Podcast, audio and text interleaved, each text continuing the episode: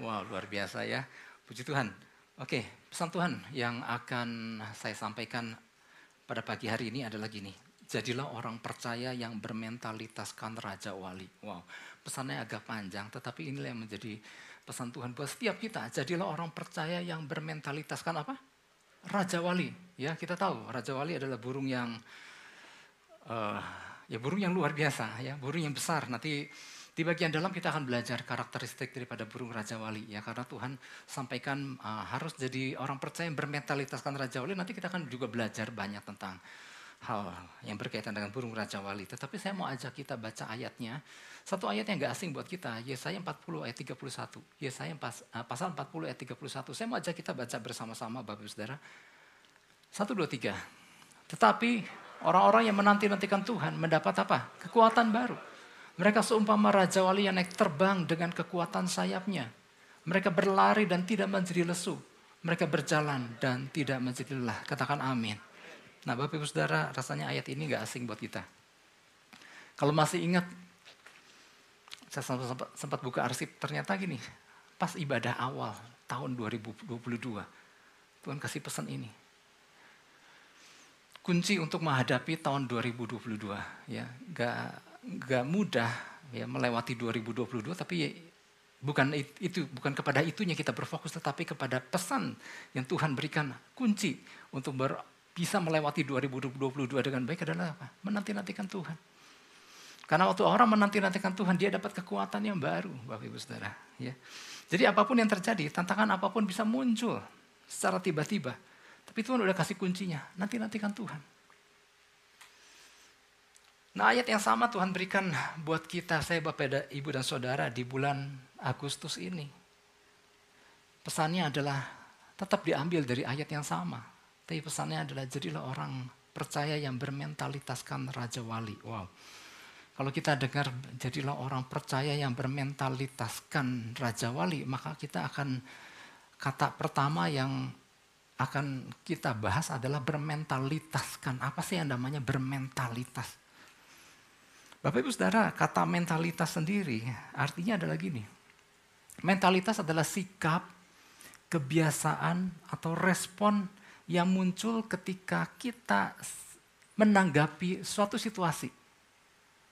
Oke, saya pelan-pelan. Mentalitas adalah gini, sikap, kebiasaan atau respon yang muncul ketika kita menanggapi suatu situasi. Sesuai dengan nilai yang kita hidupi sesuai dengan cara berpikir yang kita hidupi. Apa yang kita hidupi, nilai-nilai apa yang kita hidupi itu akan nampak. Bapak Ibu Saudara kalau mau tahu nilai apa yang dihidupi oleh seseorang, lihat sikapnya, kebiasaannya, dan respon dia waktu dia menanggapi suatu situasi. Itulah nilai yang dia hidupi. Kalau nilai yang dia hidupi atau cara berpikir yang dia hidupi adalah hal-hal yang murahan, maka sikapnya, kebiasaannya, dan respon yang muncul adalah respon murahan. Tapi sebaliknya, kalau nilai-nilai yang hidupi adalah nilai yang luar biasa kebenaran, firman Tuhan, nilai-nilai kerajaan Allah, maka lihat responnya, sikapnya, kebiasaannya, itu akan selaras dengan apa yang dia pikirkan. Itu namanya mentalitas Bapak Ibu Saudara. Nah untuk menjelaskan hal ini Bapak Ibu Saudara, saya akan menggunakan contoh kisah yang mungkin sudah pernah kita dengar atau sering kita dengar. Tentang seorang, seorang, tentang seekor anak ayam yang mengerami telur burung Raja Wali. Wah udah sering pak. Nah puji Tuhan kalau udah sering berarti kita akan lebih paham. Entah dari mana datangnya itu telur Raja Wali ada di kandang ayam yang namanya induk ayam yang sedang mengerami telur maka ya dia rami sekalian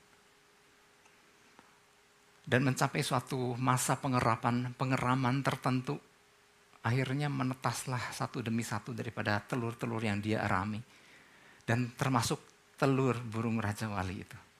Dan muncullah seekor anak burung raja wali yang ukurannya lebih besar dari rata-rata anak ayam yang ikut keluar juga. Ya entah selisih berapa lama. Bapak Saudara mungkin lebih tahu ya masa pengerapan anak ayam atau anak raja wali apakah sama atau beda. Tetapi singkat cerita Dari sekian anak-anak ayam yang ditetaskan, muncullah ada anak yang anak ayam yang bongsor yang adalah si raja wali, si anak raja wali itu. Nah, karena dia dibesarkan oleh induk ayam dan ada di lingkungan anak-anak ayam, dia ada di dalam lingkungan ayam, maka dia merasa dirinya ayam. Yang dia makan pun adalah biji-bijian seperti makanan ayam pada umumnya atau makan pakan ternak ayam. Karena apa? Karena memang dia merasa ayam. Oh mama gua ayam gitu. Dan suatu kali dia melihat ada Raja Wali yang terbang di atasnya. Dia bilang, wow keren banget itu. Aku pengen jadi seperti burung yang terbang di atas. Kata mamanya, udah nak jangan ngimpi.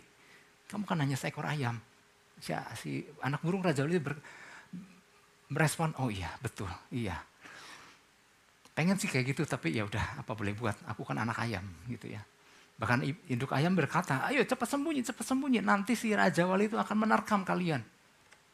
Nah Bapak Ibu Saudara apa yang terjadi? Mentalitas anak burung Raja Wali itu adalah mentalitas ayam. Dia Raja Wali. Tapi karena dia menghidupi nilai-nilai keayaman. Loh nilai-nilai keayaman. Karena tiap hari dia dikatakan sama si mama, si induk ayam bahwa engkau ada ayam, maka dia mempercayai bahwa dialah ayam. Maka dia berespon, bersikap dan melakukan kebiasaan seperti layaknya ayam. Padahal dia punya potensi yang luar biasa untuk bisa bertindak sebagai burung raja wali yang dia lihat terbang di atasnya. Tapi mentalitas itu yang membuat dia tetap merasa kodratnya adalah ayam. Nah ini yang terjadi Bapak Ibu Saudara. Kita nggak mau kita anak-anak Tuhan, Tuhan kita dahsyat, katakan amin. Tuhan kita luar biasa. Maka seharusnya anaknya luar biasa. Nah ini menjadi pesan Tuhan, Tuhan mau kita yuk bermentalitas kan bukan orang percaya bermentalitaskan ya tadi dalam tanda kutip ayam. Tapi orang percaya bermentalitaskan raja wali seperti ayat tadi. Nah, mentalitas orang percaya bermentalitas ayam ini pernah terjadi dalam kehidupan orang Israel. Nah, latar belakang daripada Yesaya 40 ini adalah menceritakan bagaimana kondisi bangsa Israel. Mereka adalah orang-orang yang dibuang ke sebuah bangsa yang bernama Babel. Mereka awalnya merasa bahwa mereka sebelum dibuang mereka adalah orang-orang yang tegar, tengkuk, tinggi hati, mau melakukan sekendak hatinya, tapi dia merasa bahwa dialah bangsa Israel, umat pilihan Tuhan. Tetapi Bapak Ibu Saudara ketika mereka dibuang ke pembuangan Babel, hancur semua harga diri mereka. Mereka ada dalam kondisi yang begitu rendah. Mereka ada dalam kondisi yang sama sekali merasa sangat hina. Mereka diperbudak sehingga mereka mempercayai bahwa mereka adalah budak. Dan ini membuat akhirnya mereka meragukan apakah betul Tuhan ada. Apakah betul Tuhan akan memberikan pertolongan. Ya. Apa yang mereka responi hasil daripada cara mereka memandang diri mereka. Mereka kehilangan segala-galanya. Jati diri mereka. Ya lagi-lagi Tuhan melalui pesannya ini, lagi-lagi saudara ingat ya, tiga minggu terakhir termasuk pesan ini. Tuhan lagi bicara terus soal identitas. Oke, lanjut ya. Mereka dalam bangsa Israel dalam kondisi yang begitu rendah. Sehingga mulai sayup-sayup terdengar keraguan akan Tuhan keraguan akan kedahsyatan Tuhan. Nah, apakah betul Tuhan gak ngerti kondisi umatnya? Bapak saudara, ibu saudara, jangan salah. Tuhan sangat tahu kondisi umatnya, katakan amin. Hal terpenting yang harus kita pahami, apa pun keadaan yang kita hadapi, yakin bahwa Tuhan sangat tahu situasi kita dan Tuhan ada bersama-sama kita, itu yang harus kita pegang. Nah bangsa Israel pada waktu itu kehilangan mana Tuhan. Tuhan kayaknya udah gak suka sama kita. Tuhan buang kita dan kita bukan siapa-siapa. Nah makanya melalui Nabi Yesaya, Tuhan bukannya nggak tahu Tuhan menyampaikan pesannya. Makanya kalau kita perhatikan, ini kan Yesaya 40 ayat 31, kalau kita lihat di pasal di ayat-ayat sebelumnya di situ bagaimana Tuhan lewat Nabi Yesaya meyakinkan bangsa Israel bahwa Tuhan adalah Allah yang dahsyat. Allah yang luar biasa yang menciptakan das, meletakkan dasar bumi dengan begitu luar biasa bahwa bumi itu di mata Tuhan begitu kecil seperti titik pasir. Di situ lalu Yesaya Tuhan menyatakan bahwa dia adalah Allah yang luar biasa. Dan Tuhan sedang merancangkan pembebasan bagi bangsa Israel. Tapi yang say sayangnya Bapak Ibu Saudara, di saat Tuhan sedang meyakinkan mereka bahwa dia adalah Allah yang dahsyat, yang siap memberikan pertolongan dan melepaskan, membebaskan mereka dari perbudakan. Di satu saat, di satu hal yang sama, dia merasa apa mungkin, apa mungkin. Jadi lagi, jadi gini, perkara Tuhan memberikan sebuah uh, uh, kekuatan, Tuhan memberikan sebuah pernyataan, itu satu hal. Tetapi ketika umat Bangsa Israel merespon bahwa nggak mungkin kami ini begitu lemah, hina, dan nggak mungkin Tuhan tolong. Itu perkara yang lain, itu perkara mentalitas. Bayangkan Tuhan melalui Nabi Yesaya meyakinkan mereka. Tapi mereka merasa apa iya, apa iya, apa iya. Karena mereka sudah memandang diri mereka begitu rendah. Nah Bapak Ibu Saudara ya, sering kali bukan Tuhannya yang nggak pernah bela kita. Seolah-olah Tuhan kayak nggak bela, seolah-olah kayak Tuhan nggak pernah tolong kita, kayak seolah-olah kayak Tuhan nggak pernah tuntun. Ya. Bukannya Tuhan nggak pernah lakukan itu Bapak Ibu Saudara, namun sering kali kitanya yang salah berespon. Kita yang berespon salah, ya nggak mungkin lah. Seringkali respon orang percaya, sering kali nggak lebih daripada respon orang-orang yang belum kenal Tuhan. Ah, nggak mungkin lah, nggak mungkin lah siapalah aku, siapakah aku ini. Nah respon dan tindakan orang percaya tanpa disadari bagaikan burung raja wali yang bermentalitaskan ayam. Aku mau mau lakukan ini menurut sekandaku karena aku kan ayam. Aku mau makan biji-bijian. Kenapa? Ya karena ayam-ayam lain juga makan biji-bijian. Seringkali tanpa disadari orang-orang percaya memandang dirinya nggak jauh beda dengan orang-orang di luar sana yang belum kenal Tuhan. Aku mau milih untuk sembunyi aja kan nanti ada Raja Wali, takutnya dia menangkap aku. Merasa diri kecil. Oleh sebab itu mari Bapak Ibu Saudara, Tuhan mau kita menjadi orang-orang percaya bermentalitas kan Raja Wali. Katakan kepada samping kanan, kiri kanan Bapak Ibu Saudara, kamu bukan ayam. Kamu Raja Wali. Kamu bukan ayam, kamu orang. Iya sih benar maksudnya, tapi ini bicara soal mentalitas Bapak Ibu Saudara. Nah ini lebih pesan Tuhan buat kita. Pesan Tuhannya adalah gini, kalau kita perhatikan, pesan Tuhan lagi-lagi bicara soal identitas. Ya, Tuhan melalui pesannya ini memperingatkan setiap kita untuk mengecek mentalitas kita yang kita hidupi saat ini. Nilai apa yang sedang kita hidupi saat ini. Kalau meminjam istilah yang tadi di awal tadi, kita ini orang percaya yang bermentalitaskan ayam atau orang percaya yang bermentalitaskan Raja Wali? Apakah ada beda keduanya? Oh jelas ada sekali. Beda pemahaman, beda pula hasilnya. Beda cara memandang diri kita selama ini akan beda pula respon dan tindakan yang kita lakukan dan akan beda pula hasilnya. Nilai apa yang sedang kita hidupi? Nah Tuhan mau kita menjadi orang percaya memiliki mentalitas Raja Wali seperti yang Tuhan sampaikan tadi. ya Kita lihat ayat 30-nya coba. Ini kan ayat 31. Nah ayat 30-nya adalah orang-orang muda menjadi lelah dan lesu, teruna-teruna jatuh tersandung. Di sini ada kata lelah, lesu, jatuh tersandung. Terus kemudian ayat 31. Tetapi orang-orang yang menanti-nantikan Tuhan mendapat kekuatan yang baru. Mereka seumpama raja wali yang naik terbang dengan kekuatan sayapnya. Mereka berlari dan tidak menjadi lesu. Mereka berjalan dan tidak menjadi lelah.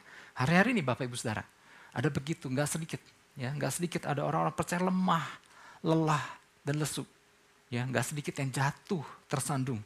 Tapi Tuhan bilang, orang yang menanti-nantikan Tuhan mendapat kekuatan yang baru. Katakan amin. Nah kata lemah, lelah, dan lesu ini pada dasarnya baik di bahasa aslinya sekalipun artinya hampir sama semua. Namun pemahaman lemah, lelah, dan lesu ini bukan hanya capek karena menghadapi masalah aja. Tetapi orang-orang yang termasuk orang-orang percaya yang lemah, lesu, dan letih ini juga termasuk adalah orang-orang yang mulai kehilangan kepercayaan sama Tuhan. Inilah orang-orang yang percaya yang lemah. Dan orang-orang yang termasuk kategori ini adalah orang-orang yang ingin melakukan segala sesuatu menurut caranya sendiri. Itulah termasuk orang-orang percaya yang lemah. Lalu orang-orang percaya yang lemah adalah orang-orang yang memang pada dasarnya gini, mempercayai bahwa dirinya lemah. Oh ya, setiap manusia punya kelemahan dan banyak kelemahan. Tetapi apabila dia nggak mendekat kepada sang sumber kekuatan, maka dia akan tetap menjadi orang yang lemah. Dan Tuhan sudah menawarkan kunci. Orang-orang yang menanti-nantikan Tuhan mendapat kekuatan yang baru. Nah kata kekuatan di dalam bahasa aslinya, dulu kita pernah bahas lah ini. Kata kekuatan di dalam bahasa aslinya, koah. Koah itu artinya bukan cuma strength and power aja, tapi juga ability, dikasih kemampuan. Lalu dikasih kecukupan, dikasih penyediaan. Oh ini kan luar biasa. Jadi orang yang datang kepada Tuhan, menanti-nantikan Tuhan di hadiratnya. Banyak hal yang akan diperoleh. Ada kekuatan yang baru. Nah, beberapa prinsip burung raja wali yang kita perlu pahami berkaitan dengan pesan Tuhan ini ya agar kita senantiasa mendapat kekuatan yang baru yang di antaranya ya ada dua hal minimal ya mudah-mudahan keburu. Yang pertama, raja wali selalu mengejar ketinggian. Raja wali selalu mengejar apa? Ketinggian. Ayatnya sama ya, Yesaya 40 ayat 31, saya nggak usah baca lagi. Nah Raja Wali, kalau kita perhatikan Bapak Ibu Saudara, dia berbeda dengan burung-burung kecil yang terbang dengan mengepak-ngepakkan sayapnya dengan cepat. Dan perhatikan, burung-burung yang di bawah levelnya di bawah Raja Wali, dia kalau terbang sayapnya cepat, kepakannya cepat. Burungnya kecil, sayap kepakannya cepat. Tapi kalau kita perhatikan Raja Wali, dia nggak nggak begini terbangnya. Raja Wali itu cuma sekali, dua kali dan kemudian melesat di atas. Seperti layangan yang lagi terus bermain dengan dorongan angin. Jadi Raja Wali itu dia akan terbang dengan terlebih dahulu menantikan angin. Ketika dia melihat, wow, angin sedang bertiup dengan baik. Maka dia mulai mengepakkan sayapnya sekali. Nah kalau kita perhatikan Raja Wali, dia terbang menantikan datangnya angin. Ketika dia me, me, me, melihat, bukan melihat, dia merasakan angin datang maka dia mulai mengepakkan sayapnya dan kemudian dia mulai melesat tinggi. Itu salah satu ciri daripada burung Raja Wali. Dan dia artinya gini, dia cukup membentangkan sayapnya dan kemudian dia bermain-main di atas angin yang meniupnya dari bawah. Dan burung Raja Wali adalah burung yang gak suka bergerombol. Saudara pernah lihat burung Raja Wali bergerombol? Gak pernah ya? Dia selalu terbang sendiri. Dia menikmati ketinggian sendiri. Kalaupun kita pernah lihat ada beberapa raja wali yang ada di udara, itu sebetulnya gini. Itu sebetulnya ada ciri karakteristik lain ketika ada raja wali jantan yang lagi mendekati raja wali betina. Tapi itu paling banyak juga cuma sekitar dua. Artinya memang pada dasarnya raja wali adalah burung yang senang terbang di dalam kesendirian di ketinggian. Dia bukan burung yang suka berkelompok, bergerombol. Kita pernah lihat kan burung-burung yang gitu ya, terbang bergerombol di pohon satu, berpindah tempat bergerombol. Raja Wali bukan tipe yang seperti itu. Buat Raja Wali nggak level. Udah terbangnya rendah, burung-burung itu cerewet lagi katanya. Maka dia lebih menikmati terbang di ketinggian. Nah ini mengingatkan kita pada seorang pribadi yang bernama Musa. Musa bukan sekali dua kali naik ke puncak gunung. Berjumpa dengan Tuhan. Ya. Apa yang dia lakukan di ketinggian? Musa banyak berbicara sama uh, Tuhan, banyak berbicara sama Musa. Tuhan banyak menyampaikan pesan-pesannya. Tuhan menyampaikan perkataannya. Tuhan memberikan tugas apa yang harus Musa lakukan. Dan makanya ketika Musa turun dari atas gunung ketika dia selesai berbicara sama Tuhan.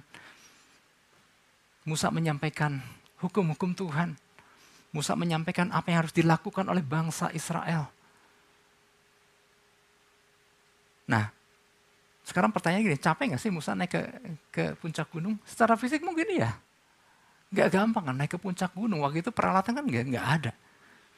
Secara fisik mungkin iya, tetapi Bapak Ibu Saudara, hasil dari perjumpaan dengan Tuhan di ketinggian, dia pulang dengan kekuatan yang baru. Makanya ada ayatnya yang mengatakan wajah muka, eh wajah muka, wajah Musa itu bercahaya. Ketika dia turun dari ketinggian berbicara dengan Tuhan. Ada pancaran kemuliaan Tuhan yang terimpartasi terhadap dirinya.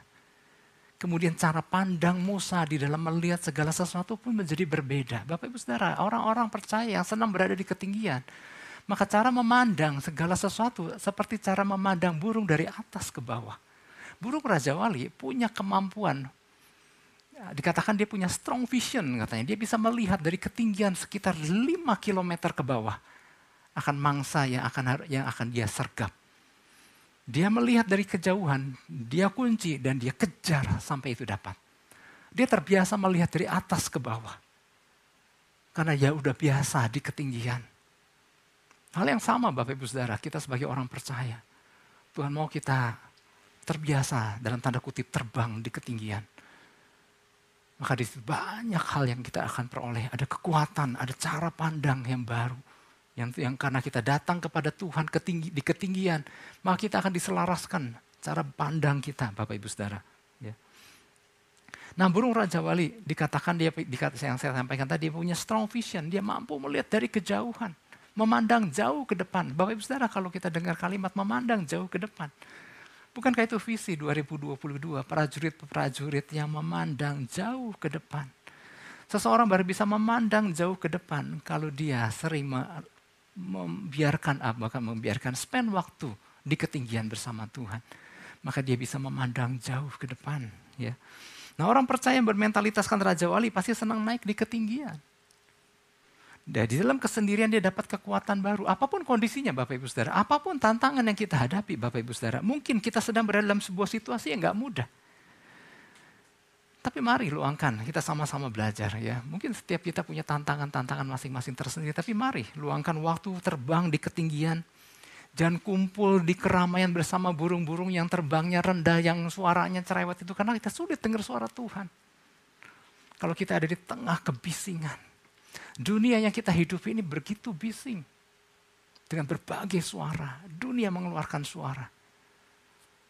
Nah Tuhan mau, yuk naik ke ketinggian di situ. Bapak Ibu Saudara, ya makanya gini, makanya kan kita ada ingat satu ayat firman Tuhan, saya pernah sampaikan di beberapa kesempatan lalu dalam doa pagi. Mungkin kita, kita ketika kita lemah, lesu dan berbeban berat, Yesus bilang apa? Mari datanglah kepadaku.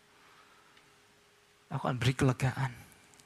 Pikulah kuk yang kupasang katanya. Artinya Tuhan mengundang kita, yuk datang, masuk ke hadiratnya. Pikulah kuk, pikulah kuk artinya gini, yuk kita satu kuk, satu jalan, satu sepakat dengan Tuhan. Waktu kita datang ke hadirat Tuhan, kita sebetulnya lagi menyelaraskan cara pandang kita yang salah dengan cara diselaraskan dengan cara pandang Tuhan yang benar. Makanya kan kuk selalu sepasang kan, lembu itu dipasangkan kuk sepasang. Marilah datang kepadaku yang letih lesu dan berbeban berat. Pikulah kuk. Nah kita disatukan satu kuk bersama Tuhan, sang lembu senior, saya sering bilang begitu. Kita adalah lembu junior. Waktu kita satu kuk dengan Tuhan, sang lembu senior, maka kita mulai belajar berjalan mengikuti apa? arah langkahnya Tuhan. Kita diselaraskan di situ. Ada satu tokoh Bapak Ibu Saudara, kisah nyata, namanya Viktor Frankl. Viktor Frankl ini adalah seorang Yahudi. Dia loh seorang psikiater. Tapi pada zaman pemusnahan uh, oleh Hitler atas orang-orang Yahudi yang menewaskan sekitar 6 juta orang Yahudi. Nah, Viktor Frankl ada termasuk tawanan uh, daripada pasukannya Hitler. Di, waktu itu ada di camp konsentrasi di sebuah wilayah. Dia ada bersama keluarganya di mana ayahnya sudah meninggal terlebih dahulu, istrinya sudah meninggal terlebih dahulu, dan dia menunggu waktu ajalnya aja.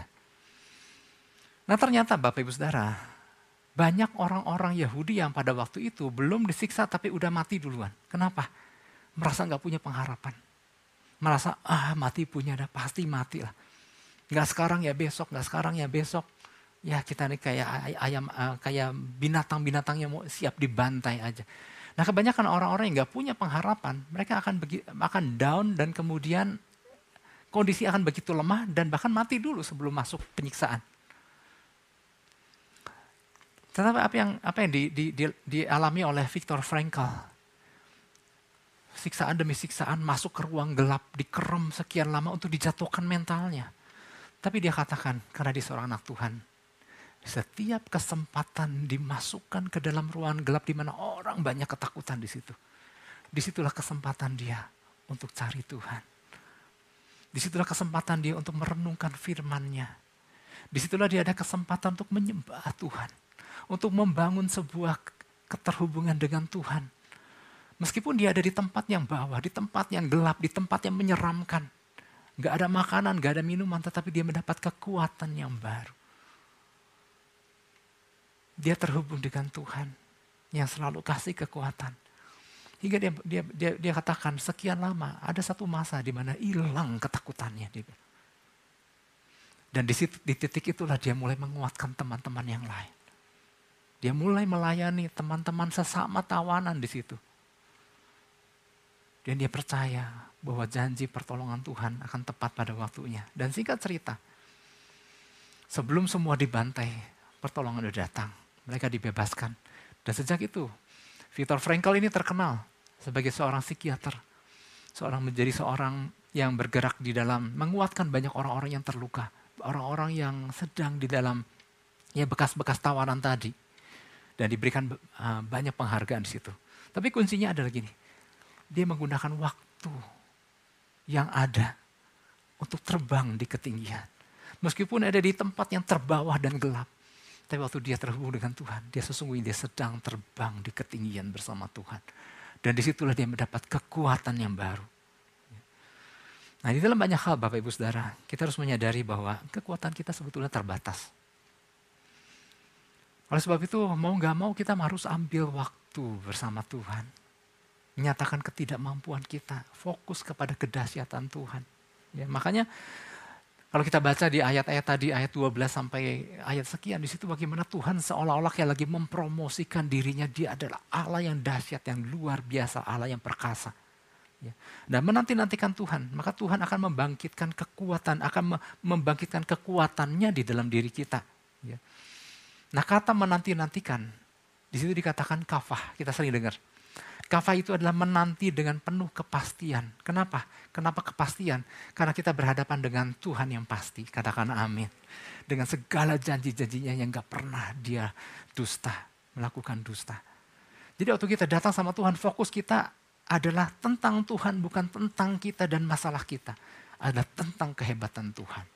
Nah jadi yang pertama Bapak Ibu Saudara. Yang pertama adalah salah satu karakteristik burung Raja Wali, dia selalu mengejar ketinggian. Nah kalau kita orang percaya yang bermentalitaskan Raja Wali ada, maka kita adalah seharusnya menjadi orang-orang percaya yang mengejar ketinggian. Yang pertama, yang kedua. Yang kedua adalah Raja Wali berani untuk melakukan perubahan demi masa depannya. Wow, luar biasa. Jadi kita, jadi ternyata gini, ada banyak karakteristik Raja Wali yang berbeda dengan binatang yang lain, berbeda dengan burung-burung yang lain. Sebenarnya banyak sekali ya. Tetapi oke, okay, berkaitan dengan ayat tadi. Raja Wali berani untuk melakukan perubahan demi masa depannya. Nah, waktu Tuhan melalui Nabi Yesaya untuk menyerukan kepada bangsa Israel, ayo ketika engkau dalam keadaan, ketika kalian di dalam keadaan yang letih, lesu, dan lemah, mari datang. Ya mungkin kalian sebelumnya adalah orang, kata ya Mungkin bangsa Israel sebelumnya adalah orang-orang, memang mereka adalah orang-orang percaya. Tetapi mereka nggak pernah punya jalinan secara pribadi sama Tuhan. Orang-orang Israel waktu dia berhubungan sama Tuhan kan melalui para imam, sedangkan secara pribadi mereka belum pernah ngalami. Maka seruan Tuhan melalui Nabi Yesaya adalah, yuk omak kalian masing-masing pribadi. Ambil waktu bangun keterhubungan dengan Tuhan. Nah mungkin ini bukan sesuatu hal yang biasa mereka lakukan. Tapi ketika Tuhan menyerukan, ayo datang mendekat, menanti-nantikan Tuhan. Nah sebetulnya gini Bapak Ibu Saudara. Ketika kita tahu mungkin ada hal-hal yang gak biasa kita lakukan. Tapi karena kita tahu ada hal luar biasa yang bahkan Tuhan yang suruh. Maka sebetulnya kita harus berani mengambil sebuah sikap atau tindakan lepaskan hal-hal yang mungkin menghalangi kita. Aku kan nggak biasa, aku kan nggak pernah, aku kan nggak ya, nggak pernah lakukan ini. Nah, singkirkan semua penghalang-penghalang itu dan ambil langkah. Jadi gini, ada harga yang berani kita bayar, ada penghalang-penghalang yang berani kita singkirkan demi untuk memenuhi apa yang Tuhan perintahkan. Kadang-kadang kan banyak orang ya, ah udah susah lah, Pengen gak ngalami Tuhan? Pengen.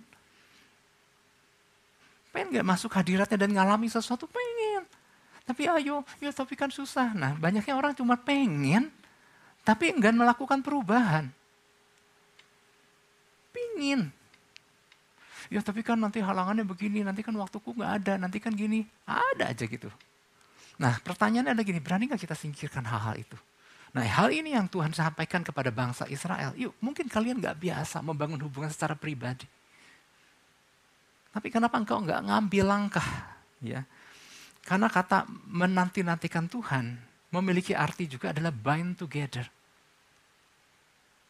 Terpilin bersama Tuhan. Nah untuk seseorang bisa terpilin bind together bersama Tuhan, berarti dia harus setuju dengan apa yang Tuhan katakan. Setuju dengan apa yang Tuhan perintahkan. Baru orang bisa terpilin bersama Tuhan dan ada kekuatan yang luar biasa.